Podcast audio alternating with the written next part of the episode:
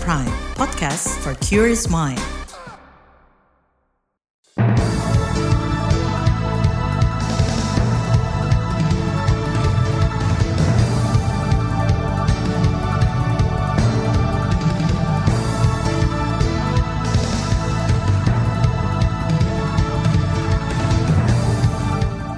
Selamat pagi saudara, senang sekali kami bisa menjumpai Anda melalui program Buletin Pagi edisi Rabu 28 Februari 2024. Bersama saya Naomi Liandra. Sejumlah informasi pilihan telah kami siapkan di antaranya pro kontra gagasan KUA jadi tempat nikah semua agama. Rencana pemberian bintang kehormatan Prabowo Subianto dikritik. Polda Kaltim didesak bebaskan sembilan petani yang ditahan. Dan inilah buletin pagi selengkapnya terbaru di Buletin Pagi. Saudara gagasan Menteri Agama Yakut Khalil Komas yang mengusulkan agar kantor urusan agama KUA menjadi tempat pencatatan pernikahan semua agama bukan hanya untuk umat Islam menuai sorotan.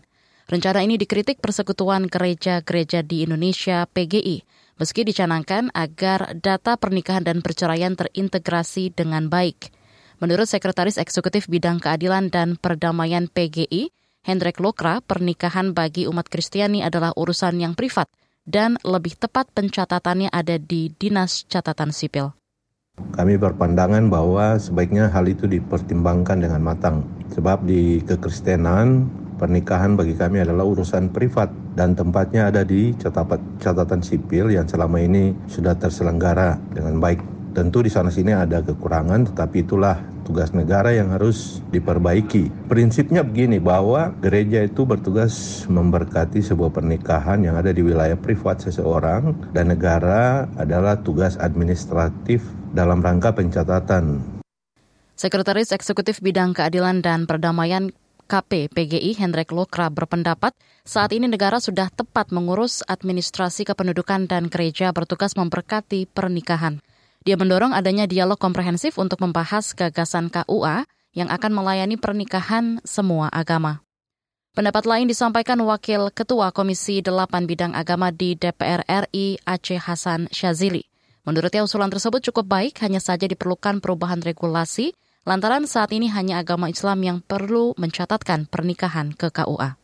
Nah, ketika ada wacana yang dilemparkan oleh Kementerian Agama ke Gusmen terkait dengan bahwa KUA bisa melayani semua agama, tentu yang pertama kali yang diubah adalah regulasinya. Karena memang selama ini regulasinya memang tidak memberikan uh, kewenangan pada untuk me, untuk memberikan layanan kepada agama selain agama Islam. Itu tadi Wakil Ketua Komisi 8 Bidang Agama di DPR RI Aceh Hasan Syazili. Sebelumnya Menteri Agama Yakut Khalil Komas berjanji melibatkan tokoh semua agama untuk membahas rencana KUA menjadi tempat pernikahan semua agama. Yakut mengatakan kebijakan ini masih tahap pembahasan internal Kemenak. Dia juga sudah mengumpulkan seluruh direktur jenderal untuk membahas rencana tersebut. Ya kita lagi dibicarakan ini, kita lagi bicarakan, ini kan gagasan yang kita lontarkan untuk segera di follow up. Kemarin seluruh dirjen, mulai dirjen Bimas Islam dan dirjen Bimas non-Islam, semua udah ketemu. Mereka udah bicara bagaimana mekanismenya, regulasinya, dan seterusnya bikin penyesuaian-penyesuaian. Jangan buru-buru, tenang aja, nanti kita akan segera sampaikan. Yakut mengatakan KUA untuk pernikahan semua agama digagas untuk mewujudkan kesetaraan dan keadilan. Sementara itu dukungan disampaikan Menteri Koordinator Bidang Pembangunan Manusia dan Kebudayaan Menko PMK Muhajir Effendi. Ia menilai rencana tersebut merupakan ide bagus lantaran semua agama bisa mendapatkan pelayanan yang sama. Dan saya dukung penuh itu. Kan namanya aja KUA, kantor urusan agama, bukan kantor urusan agama tertentu. Kan itu namanya KUA, bukan KUI. Muhajir menyebut Undang-Undang Nomor 23 Tahun 2006 tentang Administrasi Kependudukan merupakan hal teknis yang bisa diubah. Pernikahan warga negara Indonesia dibedakan sesuai agama dalam undang-undang tersebut yakni pernikahan muslim dicatat KUA, sedangkan umat agama lainnya dicatat Dinas Kependudukan dan Catatan Sipil. Di lain pihak, peneliti dan manajer program Pusat Studi Agama dan Demokrasi Pusat Universitas Paramadina Husni Mubarok menilai rencana KUA jadi pencatatan semua agama akan menimbulkan pro kontra. Itu sebab dia menyarankan agar jangan terburu-buru dalam memutuskan kebijakan tersebut. Tetapi mungkin kita perlu memisahkan antara agama, proses pernikahan melalui agama, dan proses pencatatan oleh negara itu harus dipisahkan. Jadi KUA menurut saya yang terbaik adalah berikan keleluasaan untuk memfasilitasi pernikahan semua agama, oke, okay. memfasilitasi kalau misalnya ada mediasi dari perceraian atau konflik uh, perceraian antar uh, penganut agama yang mau bercerai, oke. Okay. Tetapi kalau pencatatan, ideal yang terbaik adalah itu dicatatannya di Dinas Kependudukan dan Pencatatan Sipil. Peneliti dan manajer program Pusat Studi Agama dan Demokrasi Pusat Universitas Paramadina, Husni Mubarok mendorong pemerintah berdiskusi terlebih dahulu dengan para tokoh semua agama sebelum menetapkan kebijakan. Pemerintah menurutnya juga harus menakar dan memitigasi resiko-resiko yang berpotensi muncul di masyarakat akibat kebijakan yang diambil di kemudian hari. Saudara KPU klaim sudah koreksi ratusan ribu data anomali di Sirekap. Tetaplah di Buletin Pagi KBR. You're listening to KBR Pride, podcast for curious mind. Enjoy!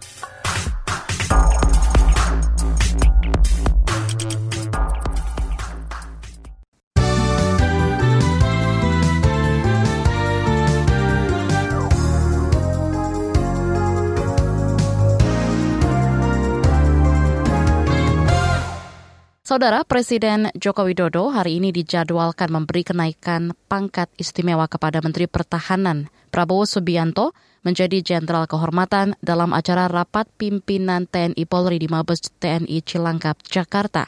Menanggapi hal tersebut, Ketua Yayasan Lembaga Bantuan Hukum Indonesia YLBHI, Muhammad Isnur, menilai adanya lonceng kematian kehormatan bagi ketentaraan. Sebab kata dia Prabowo tak layak menerima penghargaan itu lantaran pernah tersangkut pelanggaran HAM berat.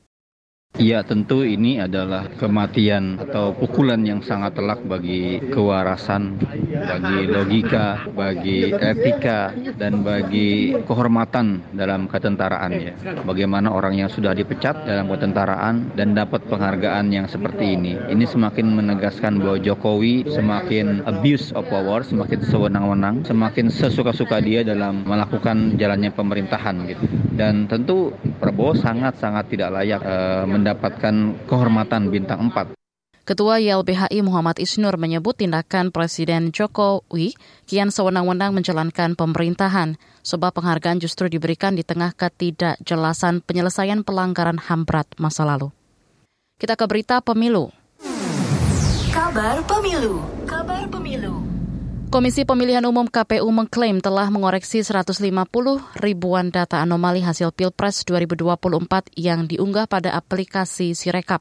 Ketua KPU Hashim Asyari mengatakan data anomali tersebut adalah ketidaksesuaian data formulir C hasil dalam aplikasi Sirekap hasil unggah foto form C hasil itu yang di-scan, lalu kemudian hasil pembacaannya anomali, dan kemudian kami lakukan koreksi secara bertahap mulai 15 Februari sampai dengan uh, hari ini jumlahnya adalah sebagai berikut. Untuk pemilu presiden dan wakil presiden sebanyak 154.541 TPS. Hashim mengatakan KPU juga telah melakukan koreksi data anomali untuk pemilu DPR RI sebanyak 13 ribuan TPS dan DPD di 16 ribuan TPS. Berdasarkan real count hingga malam tadi, KPU menerima data Pilpres dari 638 ribuan TPS. Sementara proses rekapitulasi penghitungan suara Pilpres di tingkat kecamatan mencapai lebih 74 persen. Kita ke soal hukum. Kuasa hukum Aiman Wicaksono, Vincentiun Mendrova, keberatan terhadap keputusan hakim yang menolak permohonan pra peradilan terkait sah tidaknya penyitaan barang bukti milik Aiman oleh Polda Metro Jaya. Barang bukti itu antara lain akun email Aiman. Menurut Menrova, pra peradilan kali ini bukan hanya menguji barang bukti, tapi juga menguji keselamatan salah satu pilar demokrasi, yaitu profesi jurnalis. Kami juga menyayangkan uh, bahwa surat izin penetapan dari wakil ketua pengadilan itu dianggap sah karena hanya berdasarkan pada surat edaran Mahkamah Agung. Itu tadi kuasa hukum Aiman Wicaksono Vincentiun Vendrova.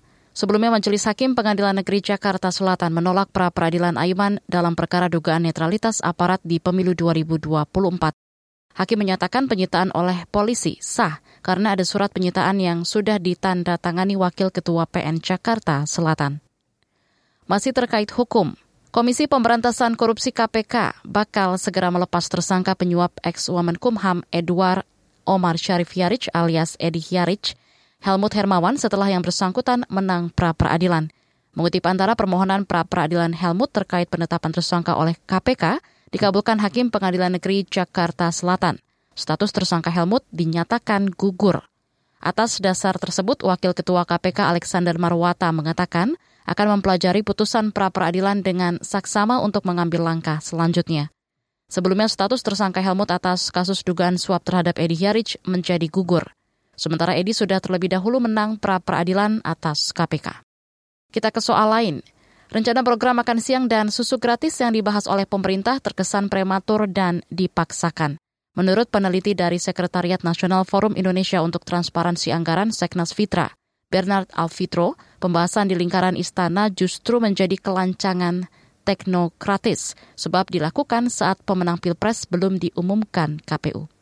Jika program makan siang gratis tersebut dipaksakan untuk dimasukkan ke dalam rancangan APBN 2025, maka kinerja APBN yang sudah mulai pulih, dia justru akan diobrak-abrik oleh program makan siang gratis yang menurut kami kesannya itu terlalu dipaksakan program makan siang gratis itu akan memicu pelebaran defisit anggaran. Pemerintah saat ini sendiri sudah mengakui bahwa ada potensi defisit anggaran sebesar 2,8 persen.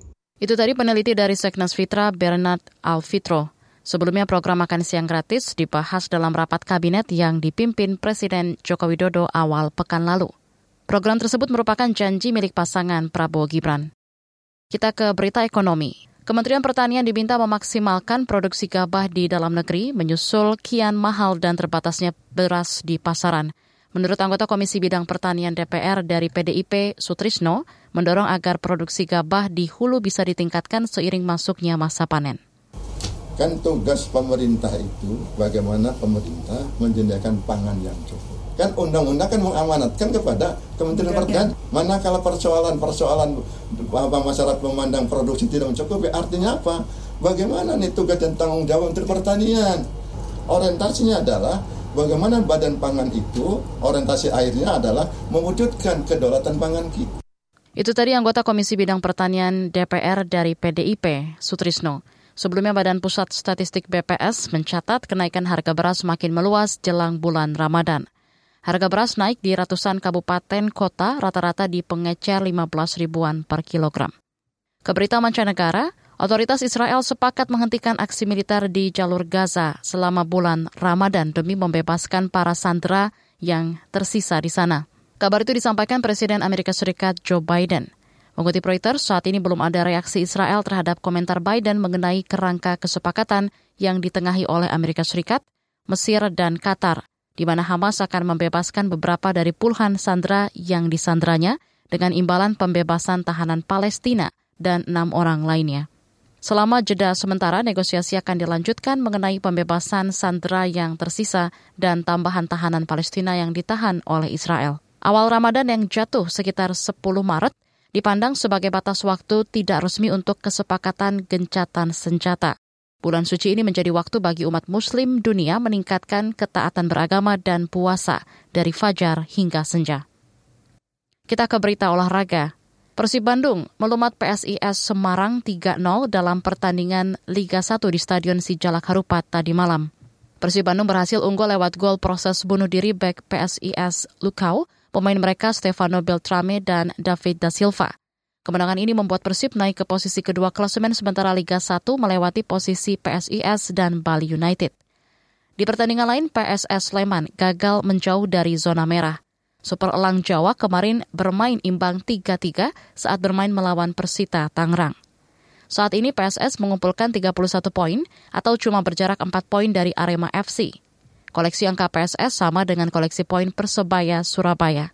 Sementara itu Persita kini mengumpulkan 28 poin, pendekar Cisadane kembali keluar dari zona degradasi menggeser Singo Edan. Di bagian berikutnya kami hadirkan laporan khas KBR tentang gizi anak Indonesia dan target penurunan stunting 2024. Tetaplah di Buletin Pagi KBR. You're listening to KBR Pride, podcast for curious mind. Enjoy!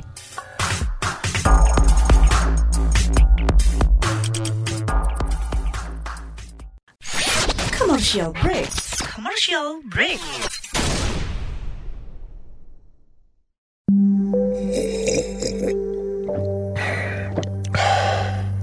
Yakin, cukup teh doang. KBR Sore, siap menjadi teman sore hari kamu, biar kamu gak kesepian. Dapatkan rangkuman perkembangan berita terpenting di sore hari dari bidang politik, ekonomi, sosial, budaya, dan olahraga dari dalam dan luar negeri. Simak KBR Sore setiap hari Senin sampai Jumat mulai pukul 16 di radio jaringan KBR seluruh Indonesia dan di kbrprime.id search KBR Sore.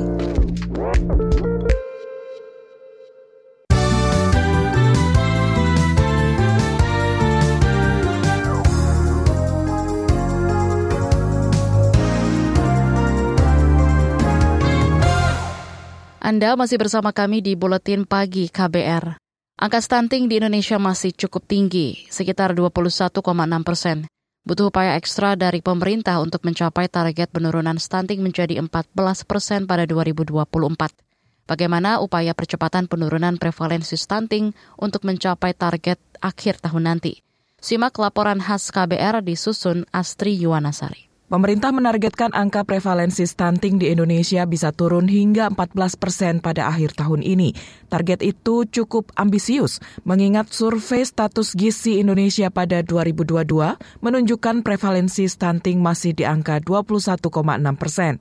Dalam rencana kerja pemerintah RKP 2024, pemerintah berupaya melakukan berbagai strategi untuk mempercepat penurunan stunting. Di antaranya melalui pendampingan keluarga di desa hingga perluasan cakupan penyediaan makanan tambahan bagi ibu hamil kurang energi kronis dan balita kurus. Pemerintah juga memperluas cakupan imunisasi dasar lengkap dan penguatan kualitas data surveillance, mulai dari unit pelayanan kesehatan terkecil yaitu posyandu. Bulan lalu, Presiden Joko Widodo memastikan seluruh puskesmas di tanah air bakal memiliki alat ultrasonografi atau USG untuk kesehatan ibu dan bayi sebagai upaya pencegahan stunting. Jadi 10 ribu puskesmas di seluruh tanah air sudah memiliki USG. Dan kita harapkan nanti semuanya memiliki USG semuanya, sehingga kehamilan ibu bayi bisa dideteksi lebih dini. Pemerintah juga memberikan 300 ribu alat antropometri ke seluruh posyandu di Indonesia. Alat ini untuk mengukur tumbuh kembang bayi dan anak sekaligus alat deteksi stunting. Sementara itu, Kepala Badan Kependudukan dan Keluarga Berencana Nasional BKKBN, Hasto Wardoyo, meminta seluruh camat di Indonesia melaksanakan mini lokakarya percepatan penurunan stunting rutin setiap bulan. Hasto menyebut mini loka karya ini penting untuk menjangkau dan membicarakan siapa saja yang berisiko tinggi, seperti ibu hamil yang miskin ekstrim atau hamil tetapi punya penyakit tertentu. Karena unit cost atau anggaran yang dialokasikan melalui dana eh, BOKB, DAK, ini adalah uh, sifatnya uh, rutin sebulan sekali dan kemudian di masing-masing kecamatan diadakan mini lokakarya. Meski berbagai program dilakukan, upaya pemerintah mengatasi stunting atau tengkes mendapat banyak kritik. Salah satunya kritik pada program pemberian makanan tambahan. Kritik muncul terkait menu makanan tambahan yang tidak memenuhi kecukupan gizi anak. Ini ditemukan di Depok, Jawa Barat, Aceh, dan Aceh Utara. Di kota Depok misalnya, menu yang diberikan terdiri dari nasi, kuah sup, nugget, dan tahu. Padahal program ini menelan anggaran 4,9 miliar. Menanggapi hal tersebut, Badan Pangan Nasional Bapanas meminta pemerintah daerah melaporkan jika menemukan ada bantuan menu makanan tambahan yang tidak layak konsumsi. Sekretaris Utama Bapanas Sarwo Edi mengatakan telah menyalurkan bantuan pemberian makanan tambahan ke lebih dari 1,4 juta keluarga rawan stunting atau KRS. Bantuan ini berupa telur satu pak dan daging ayam satu kilogram mohon dari pemerintah daerah baik di tingkat provinsi, kabupaten, kota untuk ikut melakukan monitoring terhadap kelancaran pelaksanaan bantuan pangan ini dan mohon diinformasikan apabila ada bantuan atau barang-barang yang rusak atau eh, barang-barang eh, yang memang tidak layak untuk dikonsumsi. Sejumlah pihak ragu pemerintah bisa mencapai target penurunan stunting hingga 14 persen di tahun ini. Anggota Komisi Kesehatan DPR RI Neti Prasetyani bahkan mempertanyakan akurasi data yang diklaim pemerintah terkait penurunan stunting. Mereka akui bahwa prevalensi itu dihitung berdasarkan sampling, tapi penanganan ya harus by name by address. Jadi kita mempertanyakan bagaimana komitmen pemerintah untuk bisa memastikan stunting itu turun karena bayi balitanya yang stunting diintervensi, bukan hanya bermain di angka-angka atau statistik. Neti menjelaskan penanganan stunting berbeda dengan penanganan bayi-bayi biasa, sebab perlu asupan pangan olahan khusus untuk anak dan balita stunting. Selain itu, kata Neti, penegakan diagnosis stunting harus dilakukan oleh ahli atau dokter spesialis anak dengan alat khusus antropometri. Di lain pihak, pakar kesehatan dari Universitas Griffith Australia, Diki Budiman, menilai pendekatan yang dilakukan pemerintah selama ini masih belum berhasil menyatukan dan mensinergikan program-program penanganan stunting yang ada. Untuk mengadres akar masalah. Jadi kalau saya melihat e, sinergitasnya selama ini ya ada tak ya terjadi memang e, peningkatan tapi belum memadai ya banyak bukan hanya bicara antara pusat dan daerah tapi antar kementerian lembaga juga masih relatif kurang memadai ya. Demikian laporan khas KBR, saya Astri Yuwanasari. Informasi dari berbagai daerah akan hadir usai jeda. Tetaplah bersama Buletin Pagi KBR. You're listening to KBR Pride, podcast for curious mind. Enjoy!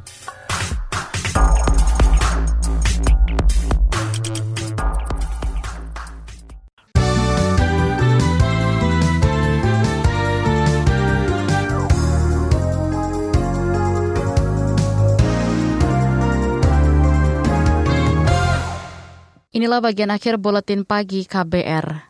Kepolisian daerah Kalimantan Timur didesak agar segera membebaskan sembilan petani asal Saloloang, Penajam Pasir Utara.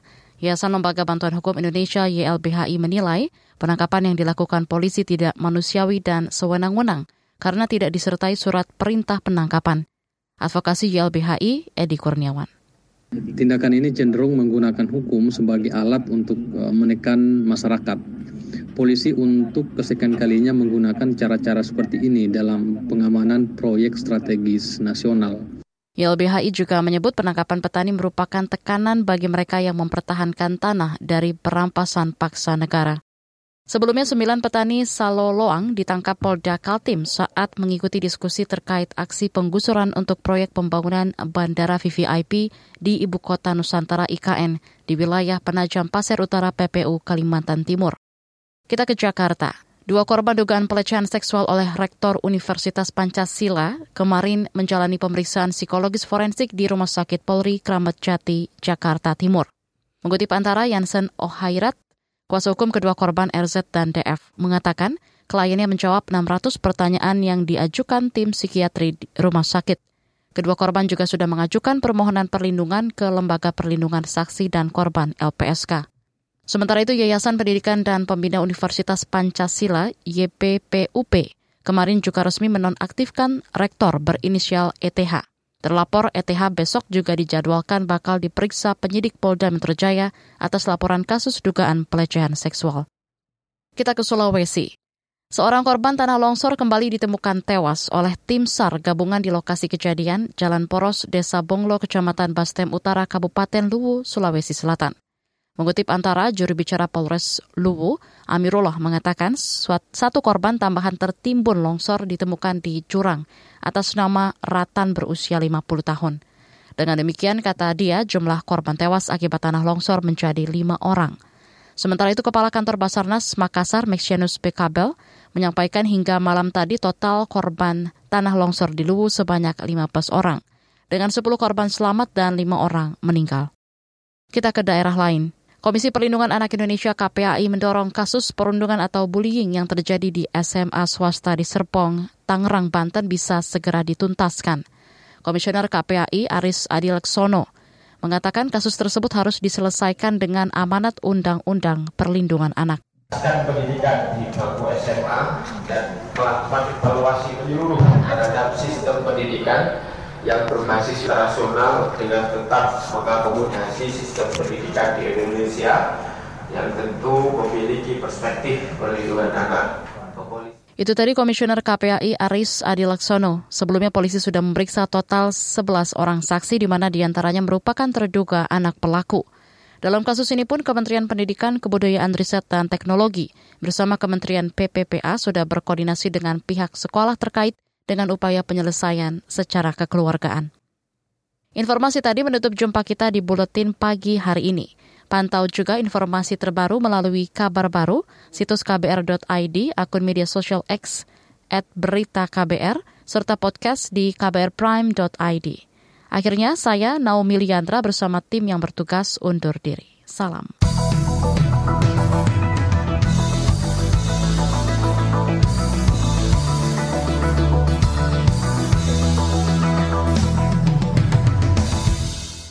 KBR Prime, cara asik mendengar berita. KBR Prime, podcast for curious mind.